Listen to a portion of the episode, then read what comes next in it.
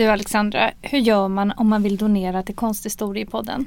Jo, då går man in på vår Instagram-sida och så går man in på länk i bio och där finns det en knapp som heter Ge en slant till Konsthistoriepodden och den klickar man på.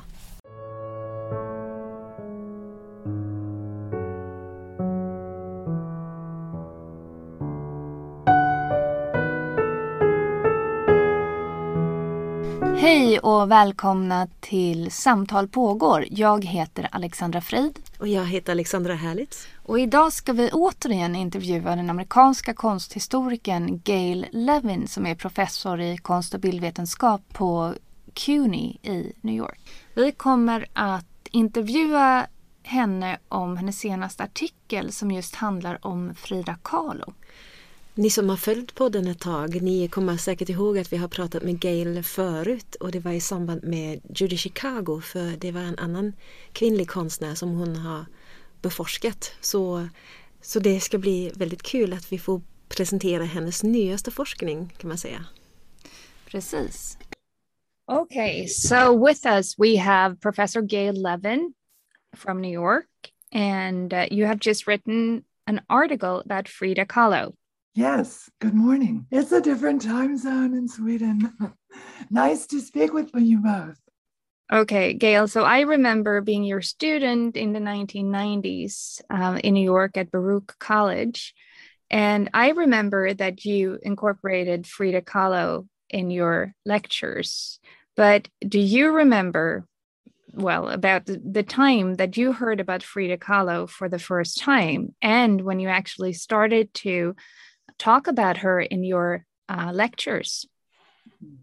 You know, it's so many years ago, I can't be sure that it's the first time, but I can tell you the first time that I remember. And it's worth mentioning that Baruch College is part of the City University of New York because before I was on the faculty there, when I was a curator at the Whitney Museum, I was a guest professor at the Graduate Center of the City University of New York. And that I can date.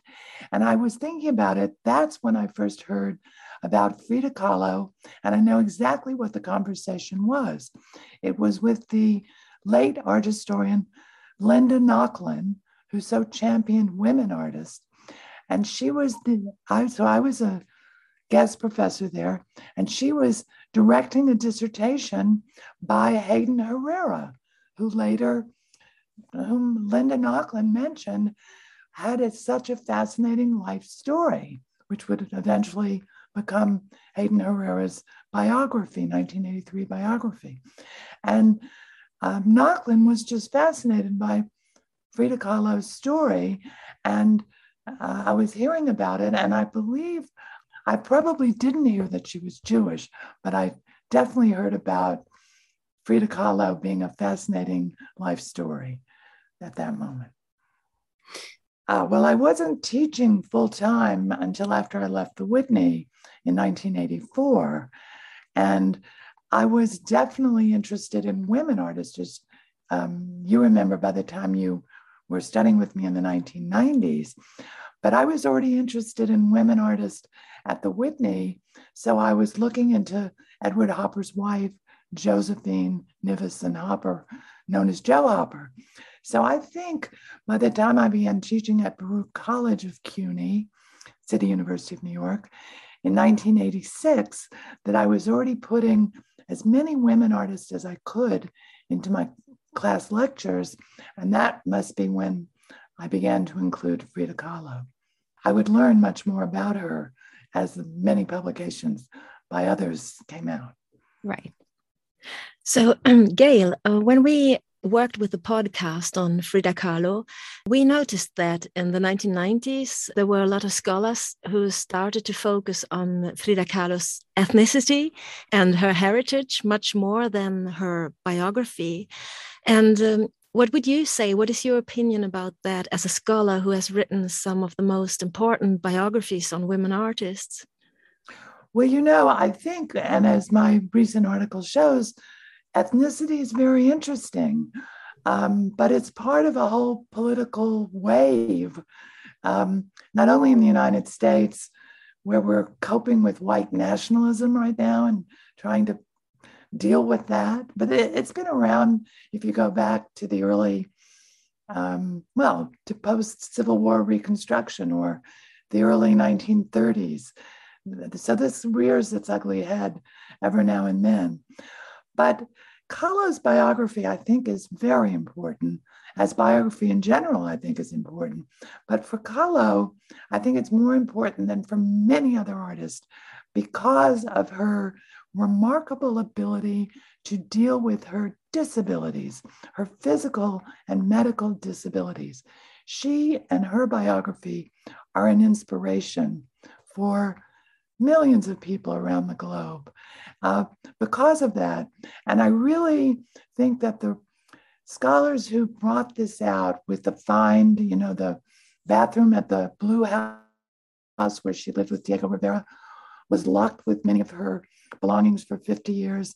And the recent scholars who at the Victoria and Albert and at the, the Blue House and at the Brooklyn Museum brought out the way she decorated her corsets, her medical corsets to mm-hmm. support her disabilities.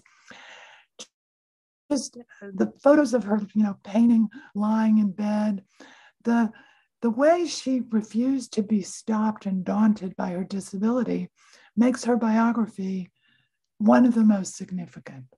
We already touched upon your article, and we should also say what it is called. Uh, the name of the article is uh, Frida Kahlo's uh, Circulating Crafts, Her Painting and Her Invented Identities. So, when you write about Kahlo's identities, is that something that you could tell us a little, a little more about? Kahlo uh, featured in her artwork, certainly her identification with what was called Mexicanidad or Mexican identity. And she had um, one indigenous grandfather on her mother's side. Her mother was descended from Spanish uh, settlers, but uh, her on, on her, her mother was descended from Spanish on her maternal side, but on her mother's paternal side, it was um, native or indigenous uh, people to Mexico. And Frida particularly identified with the Tehuana, the Zapotec people. Um, so they're near Oaxaca, which is far south of Mexico City, um, where she grew up in um, really a, a, a, suburb of Mexico City. So this is not really the culture she was surrounded by. But out of that cache of items in the bathroom that came out after 50 years was even a photograph. It's not discovered by me, by the way. I'm really want to pay homage to all the scholars that and curators that worked on Frida Kahlo. But there is a photograph of her mother wearing the Tehuana costume.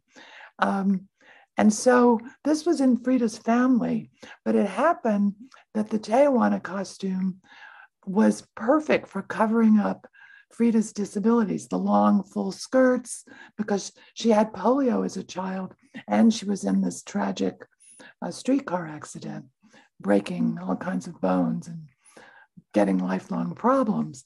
So she could, by that part of her identity, cover up her disabilities. And I mean, she didn't want to go out in the world and be pitied. She wanted to go out in the world and, of course, be accepted. And um, her father, who was a German immigrant, she um, later tried to pass him off as Jewish. I'm not sure of exactly when we can precisely document that she did that. But the problem was once you have the rise of Hitler and the Third Reich, yeah. you have both Jewish refugees from Germany and Eastern Europe and Mexico, and you also have Nazis taking refuge there, particularly after the war, after the defeat of the Third Reich.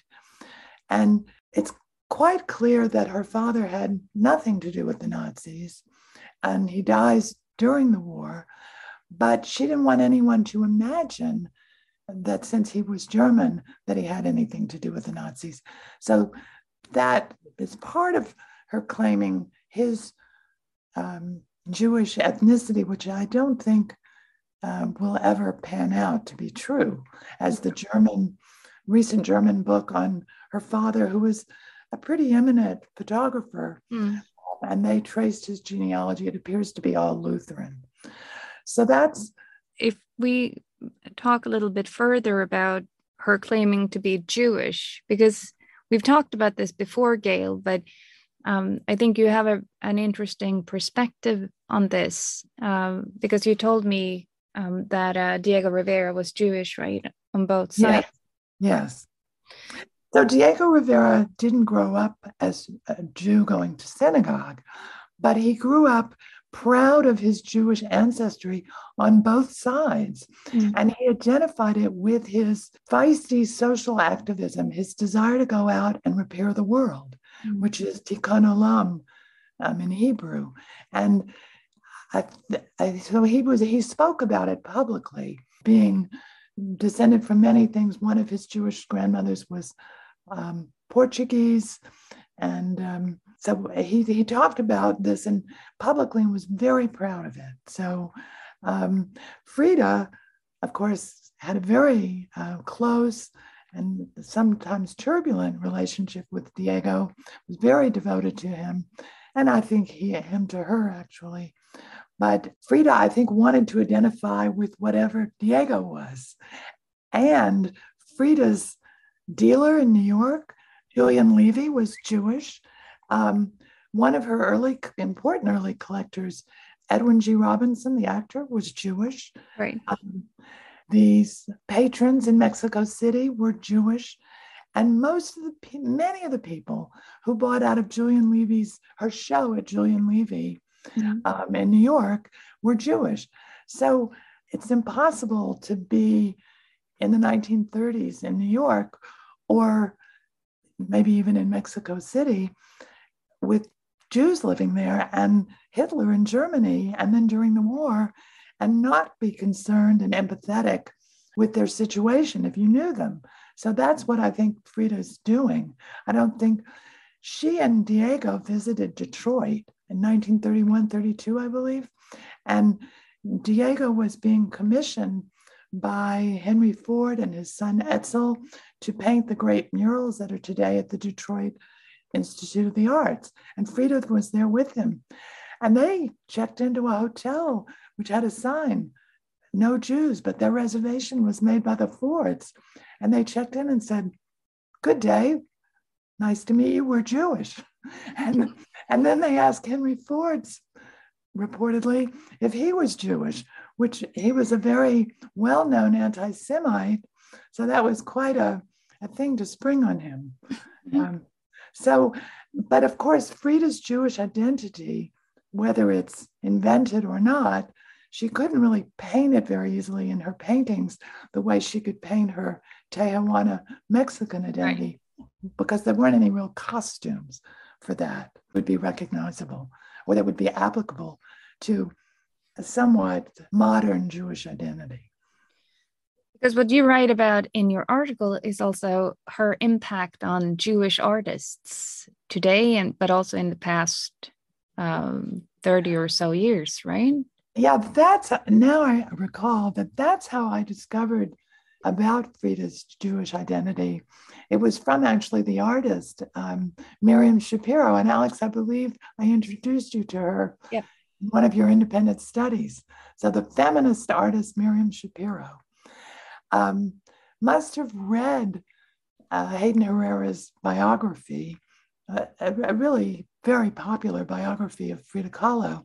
And she was thrilled to learn for the first time that Frida Kahlo was Jewish. In fact, she was so enthusiastic, she told me about it. And she started putting uh, Frida Kahlo images and images inspired by Frida Kahlo into her artworks. One called My History, which had a depiction of Frida's face, and Agony in the Garden, which relates to Frida's depiction of herself wearing her painted corset, and others. So this was something I, I never questioned. I took it mm-hmm. quite seriously. And then there was the show at the Jewish Museum uh, in 2003 in New York. Um, curated by Gannett and Corey, who did an, a dissertation at Hebrew University, which really dealt with Frida Kahlo as a Jewish artist. And she did extraordinary work, but she believed that, Frida, and I think might still believe that Frida's father was at least part Jewish. So there's the question to rule out, I suppose, of Frida Kahlo's father's mother. Um, but I don't think there's any documentation that she really came from Arad, where Frida claimed her Jewish ancestors came from, which is today in um, Romania and was then in Hungary. When I went to the Jewish Museum, I just loved uh, Anne Frida Kahlo show there um, in 2003. And it was reviewed by Grace Gluck, whom I knew, an art critic for the New York Times. She, she spoke about anyway. Frida apparently inherited those awesome black eyebrows that almost met in the middle of her forehead. And I had those kinds of eyebrows as a young girl before tweezers. And I thought, I never thought of them as Jewish, and I'm Jewish. So I was fascinated that I shared this with Frida Kahlo.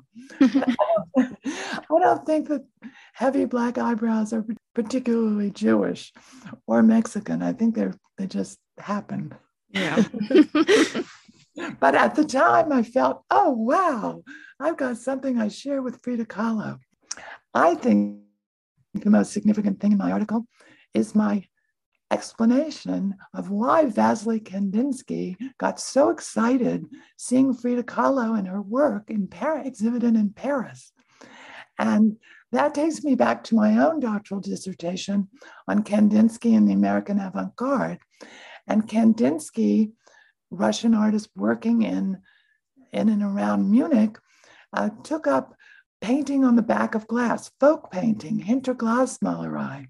Mm-hmm. And that's the Mexican version of paint, folk painting on the back of glass is the frame, the local Mexican craft frame that Frida purchased and put her painting, again, a Mexican craft, on metal, her self portrait in that frame.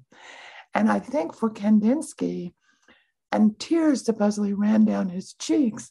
And I think it was being reminded of his own youth and his early love of the woman artist Gabriela Munter. And neither Diego Rivera nor Frida Kahlo nor any other scholar that I've heard of has made that connection. That I think might be the single discovery of my article. That's really fascinating. Thank you so much. I wish I knew Swedish and could listen to all the podcasts. Thank you very much for joining us, Gail. That was it is always such a pleasure to talk to you. Yeah. Thank you for having me and congratulations on on these podcasts and their reception. Det här var vår intervju med Gail Levin och om ni är intresserade av att läsa hennes artikel så finns det faktiskt hennes bok eh, eller artikeln gratis att läsa så vi laddar upp en länk i bio så att ni kan läsa den om ni är intresserade.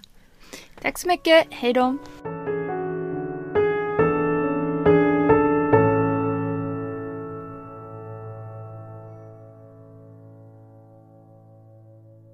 Konsthistoriepodden görs med stöd av Gustav Adolf Bratts minnesfond och Göteborgs universitet. Manus och klippning görs av Alexandra Frid och Alexandra Herlitz